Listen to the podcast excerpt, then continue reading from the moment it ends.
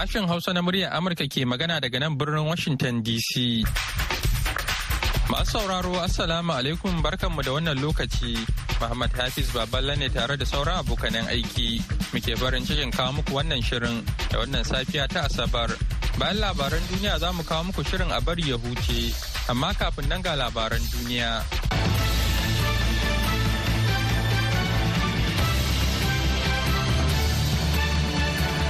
Jama'a salamu alaikum da fatan an wayi gari lafiya. Ga labaran duniya mai karantawa Sarfil Hashim Gumel. Rasha ta kai har ta sama babu kakkautawa a faɗin ƙasar Ukraine da bai taba yi ba tun fara yaki a cikin watan Fabrairun shekarar 2022 inda ta harba makamai masu linzami 122 da gwamman jirage marasa matuka a cewar jami'ai a jiya Juma'a. Hare-haren ya kashe akalla fararen hula 27 da kuma jikkata akalla 144 ba tare da lissafa waɗanda suka makale a ƙarƙashin baraguzai ba. Hukumomi sun ce akwai yiwuwar adadin waɗanda suka mutum ya ƙaru. Kakakin ma'aikatar sojan saman Ukraine Yuri Inhat ya faɗa a wata tattaunawar talabijin cewa Rasha ta yi amfani da kamai masu linzami samfarin hypersonic da cruise da kuma ballistic ciki har da kira X-22 mai wahalar ganowa. An tabbatar a hukumance an samu fashewa a Kiev da arewacin Kharkiv da yammacin Lib da kuma gabashin Dnipro da Zaporozhye da kuma Odessa mai tashar jiragen ruwa. A ɗaya ɓangaren kuma hare-haren da Isra'ila ke ci gaba da kaiwa a tsakiyar Gaza da kuma kudancin Gaza ya sanya dubin da bata Falasɗina neman mafaka a kudancin birnin Rafa. Inda yawan mutanen da ke birnin ya ninka fiye da sau uku wanda ya kai mutane dubu ɗari takwas da hamsin a cewar alƙalaman Majalisar Ɗinkin Duniya. Juliet Toma, daraktan sadarwa a UNRWA hukumar Majalisar Ɗinkin Duniya mai kula da 'yan gudun hijirar Falasɗinu, ta ce mutane na amfani da duk wani fili da babu kowa a ciki don gina rumfuna. Wasu suna barci a cikin motocinsu, wasu kuma suna kwana a filin Allah. Mafi yawan ruwan da ake samu ya gurɓace, tsarin tsaftar muhalli ya lalace, kuma banɗaki masu aiki sun yi kaɗan. Kusan ɗaukacin al'ummar gaza sun dogara ne da tallafin ƙasa da ƙasa da suka da abinci in ji shugaban hukumar fili lazarini a ranar juma'a. Duk da wani kuduri da majalisar ɗinkin duniya ta fitar a makon da ya gabata na neman a ƙara shigar da kayan agaji cikin gaggawa ba tare da tsangwama ba amma babu wani sauyi da aka gani in ji shi. Labaran duniya na zuwa muku ne daga nan sashen hausa na murya amurka a birnin washington dc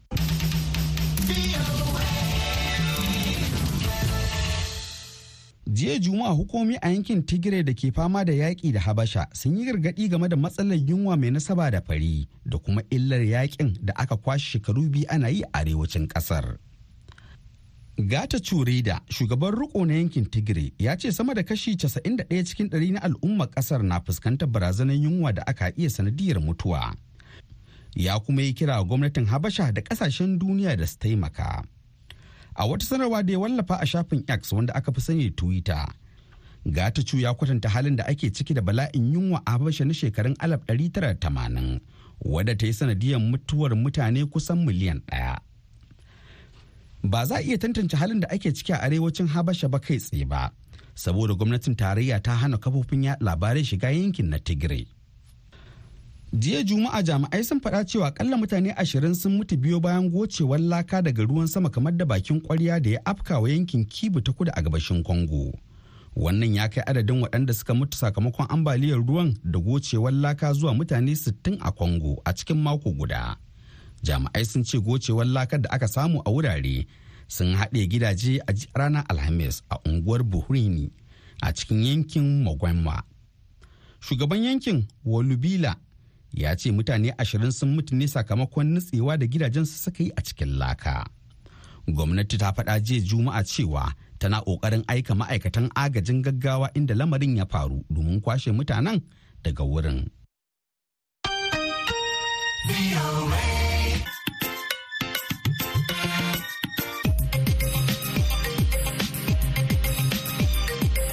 Labaran duniya kuwa saurara daga nan sashen Hausa na murya Amurka a birnin Washington DC.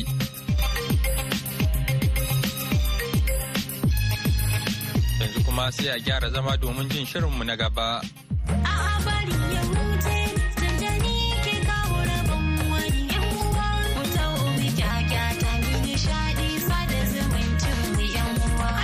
Masu saurari Assalamu alaikum barkamu da asuba barkamu kuma da sake saduwa da ku a wani sabon shirin a bari ya huce. Wanda masu iya magana kan ce shi ke kawo da rabon wani.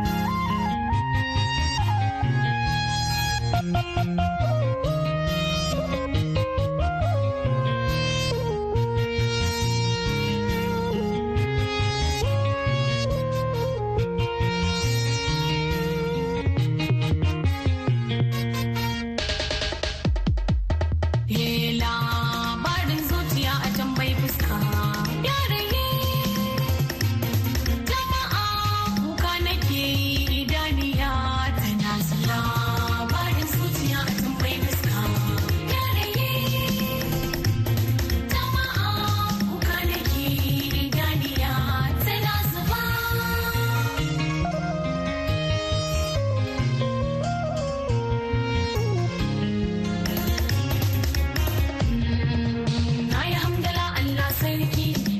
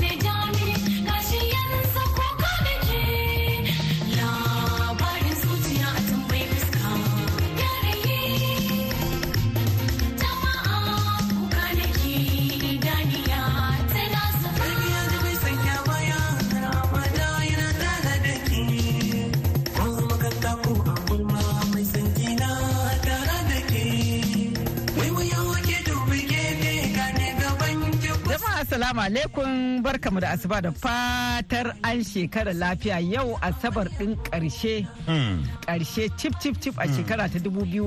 To sauran kwana ɗaya da izinin Allah ga masu tsawon rai a ga shekara ta dubu biyu da ashirin da huɗu to Allah ya nuna mana kasan yawa dakika ɗaya tana hannun Allah. Wayo. Eh to Allah ya nuna mana kamar yadda muka faɗa kai tsaye bari mu shiga zangon gaishe-gaishe.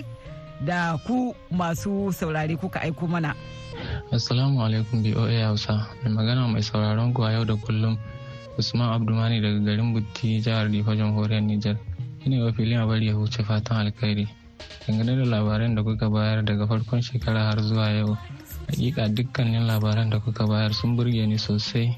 Ba ɗaya wanda zan ce ya girmi ɗaya. Duk labaran sun ƙayatar da ni sosai daga ƙarshe na gaida yan uwa da amina arziki irin su abdurrahman abdubuti mustapha abdubuti gabta abdubuti shaibu usman alish butti isa mai shayi butti sani dawo alaska tsatsun burum babawa matu mai eduwa ibrahim sd kusfa city usman muhammad maiduguri ismail musa duriyan fulani abari abdullahi kiringim bako umar kandil wabukar babura kandil wabukar na gode boa hausa. Na gaida baba yakubu makeri da grace alheri abdu da ma daukacin ma'aikatan boa hausa baki ɗaya da tsohuwar ma'aikaciyar ku halima jamaro na gode ya tashi lafiya. Assalamu alaikum wa rahmatullahi barkatu kuna tare da isa bubukar tsoho mai barka a wulin mamada ya mai hilin a taba alashe yana gaida malama alheri da ya kuma makeri ranar kun ba lambobi cikin su na ɗauka ni abin da ba ni mamaki guda na shekarun ga son huce wanda ya ga ana gudu shi ma shi na gudu ana gudu shi ma shi na gudu. Ya tambayi wani gudun mina aka an ce akwai firin an kai zuhuta ta zo. Kowa na son shi kai shi sa salula shari son na yi tsayar sa inda zai yi. Lalle shi shi ya bani mamaki.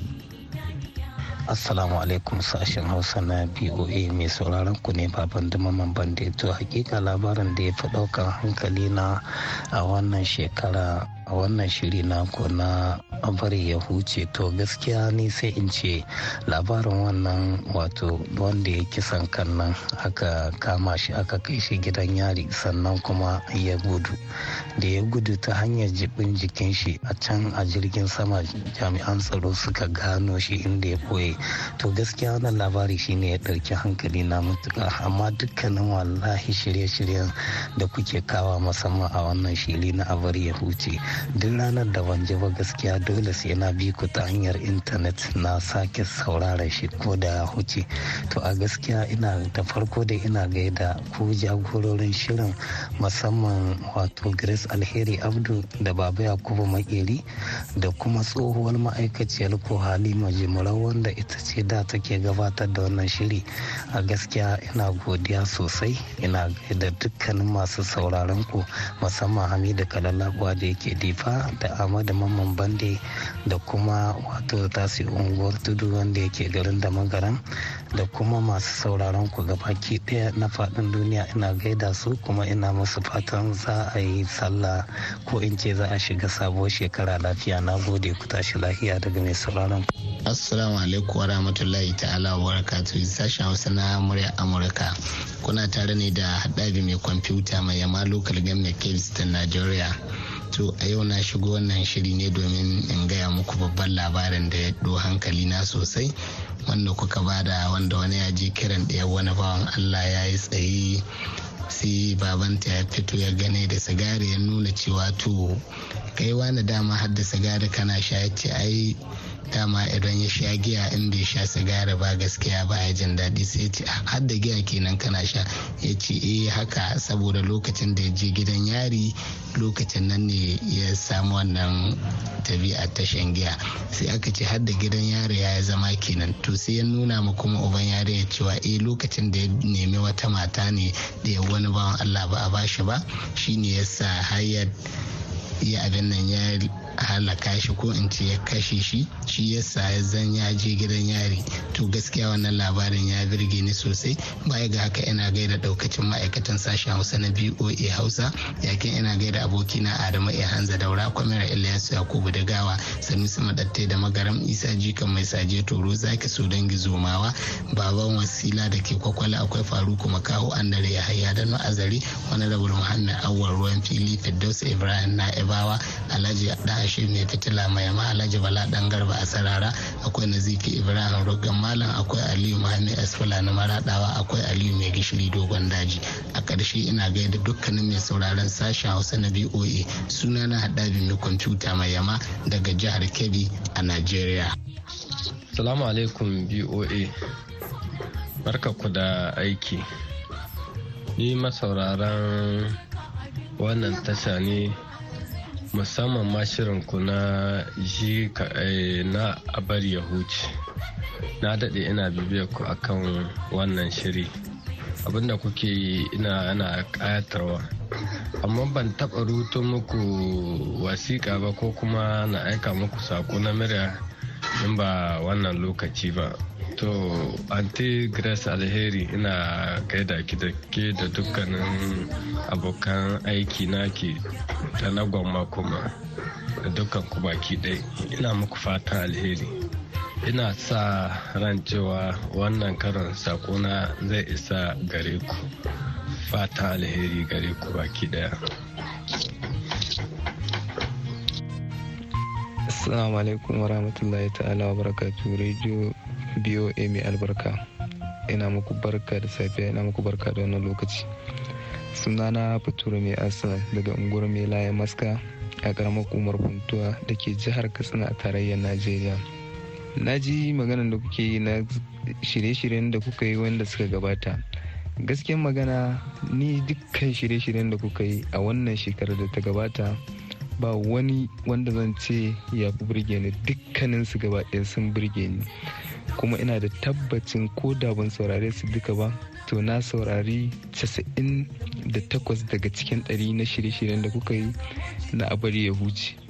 Sai dai mu yi addu'a allah ya ƙara muku ɗaukaka ya ƙara muku lafiya ya kuma ƙara mana lafiya baki ɗaya. Daga ƙarshe zan miƙa saƙon gaisuwa ta ga waɗannan mutane. Na farko ina gaida pasto yana yd buru.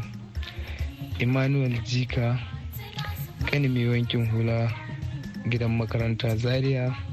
Sannan ba zan manta da lawal dan barnaba da ke bakorin jihar katsina. Sannan alhaji yusuf mai yadi maska akwai lawal ojo akwai bashir audi gangara. Ina muku fatan alheri rediyo muryar amurka mai albarka. Da fatan za ku huta lafiya. Sunana bature mai arsenal daga unguwar mai layan maska a karamar hukumar kuntuwa da ke jihar katsina a tarayyar najeriya. Na gode. Alaikum murya amurka. Sunana muhammadu fullo daga mashiyo karamar hukumar funi a jihar yobe a tarayyar najeriya.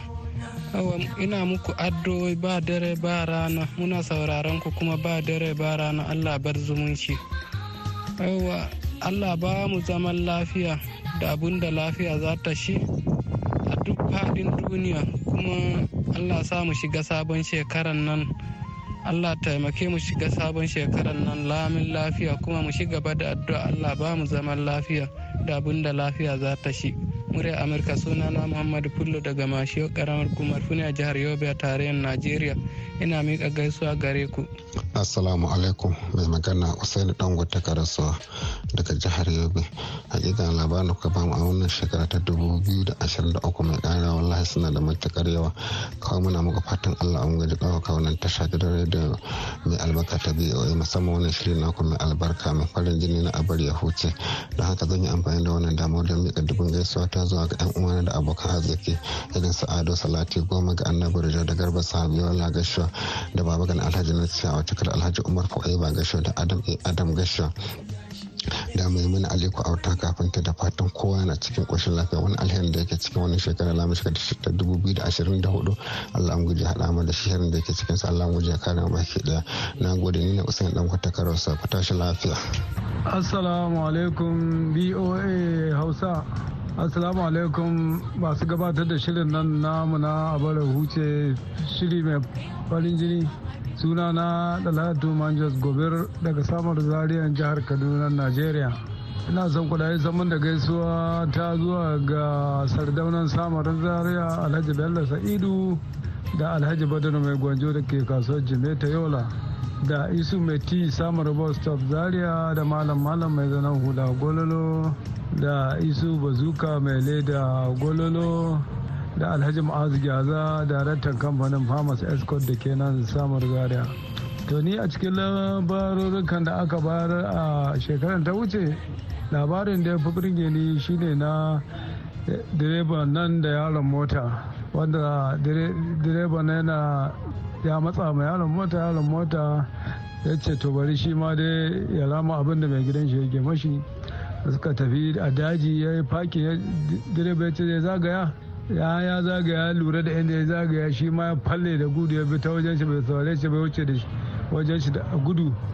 Direban shi ma na wai ga yaron motar shi yana gudu shi ma bai ta ya faru ya bi shi suka yi ta gudu suka yi ta gudu. Sai da suka gaji suka gaji sannan yake tambaya shi me ya faru ya ce shi yana shan iska ne. Wassalam ku huta lafiya. Da fatan mun shekara lafiya. Wannan shekara mai zuwa 2004 Allah albarka da ke cikin Allah ka sara mu da ita Allah kiya mu da sharrin da yake ita. Wassalamu alaikum. Assalamu alaikum filin abari ya huce na sashen hausa na amurka. Sunana mahmud salihu kwara daga jihar zamfara.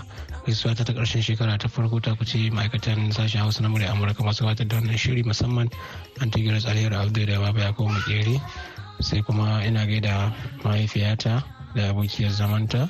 Ina musu fatan ƙarshen shekara lafiya.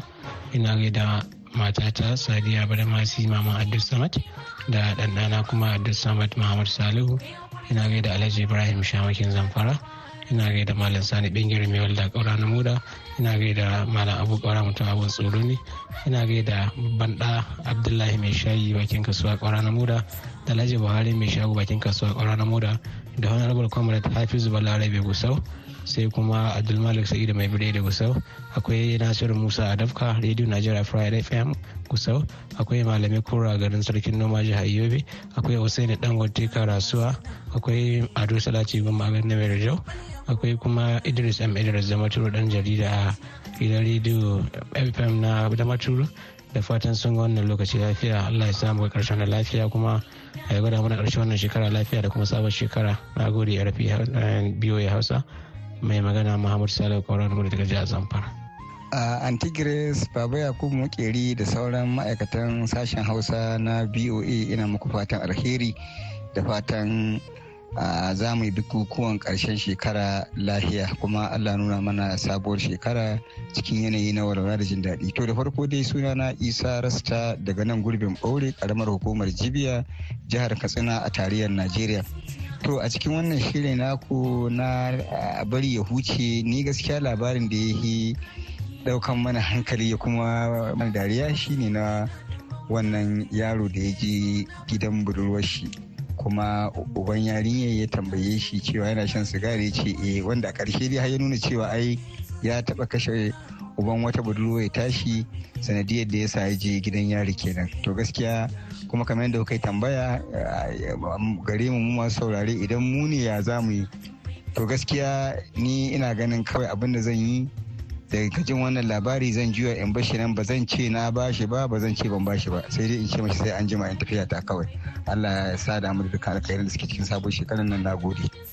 Sashen Hausa na murya Amurka sunana Sanusi Maɗattayi daga nan jihar da magaram a jamhuriyar Nijar. To albarkacin wannan dama da kuke ba mu ta ƙarshen shekara zan yi amfani da ita na miƙa saƙon gaisuwa zuwa ga kaɗan daga cikin ma'abuta sauraron wannan tasha ta murya Amurka. Da farko akwai Isuhu Makeri Maɗattai sai Ilyas Yakuba Digawa ba zan manta da Yakuba mai aski ba da raka ba sai Musa Malam Indu Kazawai.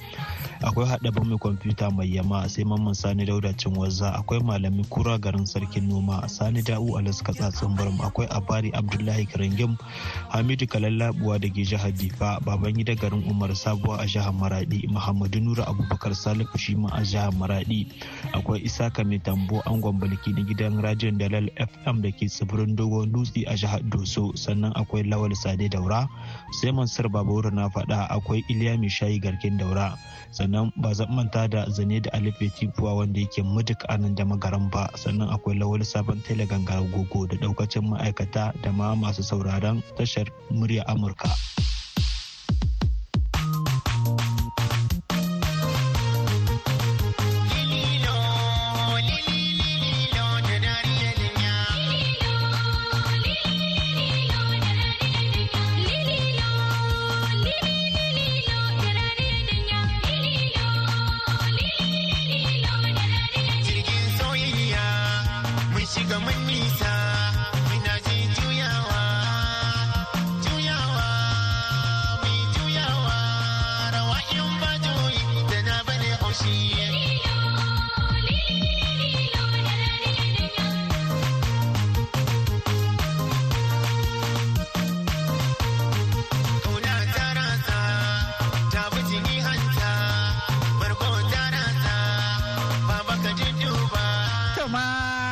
Baba sai kuma wannan labari da ya fito daga hannun sunana nasiru dan uwa a nan birnin maradi da gyaran waya. Assalamu alaikum wa rahmatullahi ta'ala wa barka da warhaka da fatan an wani cikin koshin lahiya alheri barka da marici da fatan kin wancin koshin lahiya. A gaida baba ko makiri ya ayyuka kuma ya fama da jama'a masha Allah. To ina duka gaisuwa da fatan alheri ga kowa da kowa da ke cikin radio amurka. Ya yi to gurbi alheri labari ne yake da shi wannan. Wasu wani bawan allah ne taho sai biyo bakin hanya. Yana cikin tahiya sai bawali ya kama shi. Da bawali ya kama shi irin wannan dare ne can bayan sallar isha'i. Da bawali ya kama shi ya yi tsaye yana wutsari wutsari ya kai daɗi sai ga wasu mata su uku sun taho. To da mata suka taho su uku suna daidai suna kawowa sai tusa ta kubce bai. Bir sai wata ce kai kai kai kai ana ruwa ana cida cikin matan wata ce ana ruwa ana cida. Ce to da ya ga wani kyahos ya ci uban mutum. Shi ma'anar shi an an je gaba ya je gulman shi ana yi gaba ya an kai gulma to ya sani da magana ta to haka zai cin uban mutum. To fatan alheri a tashi lahiya.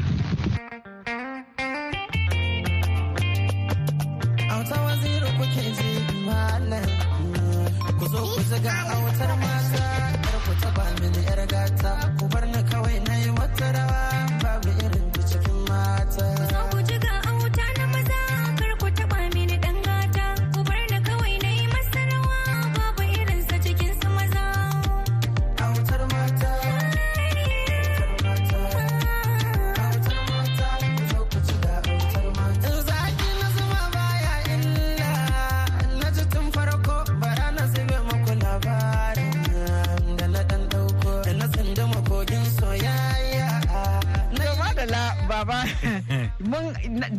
Labarin muka kawo ƙarshen wannan shekaran. haka shine ya kawo wannan she- shekara a ƙarshe Shekara da ƙarshe ka ji labaran da suka Eh. burge masu saurare da kuma Mm. To idan Allah ya nuna mana mako mai zuwa kaga wannan ita ce asabar ta ƙarshe mako mai zuwa idan Allah ya nuna mana abin da za mu buƙata daga bakin daga hannun masu sarari ko- daga bakin dai zan ce eh, daga bakin masu sauraron shine sakonnin sabuwar shekara gaishe gaishe sabuwar shekara. ko da yake bakin san cikin wannan lokacin masu danyi na sabuwar shekara sai, eh, amma wannan eh. na musamman ne wannan na so musamman aiko ne. mana na sabuwar shekara na sabuwar Eh. shekara to to baba Mm. a madadin dukkan ma'aikatan shugaban sashen hausa da dukkan ma'aikatan sashen hausa muke ma masu sauraro muke mika godiya ta musamman ga dukkan ma'abutan wannan da kasancewa da mu da kasancewa tare da baki ɗayan wannan shekara. Eh. da kuma fata Allah zai nuna mana shekara ta 2024 cikin ƙoshin lafiya.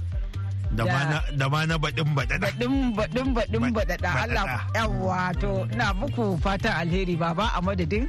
Baba ya ko makeri. Alheri ke muku fata alheri da kuma fata za mu ga shekara ta 2024 lafiya da alheri. Na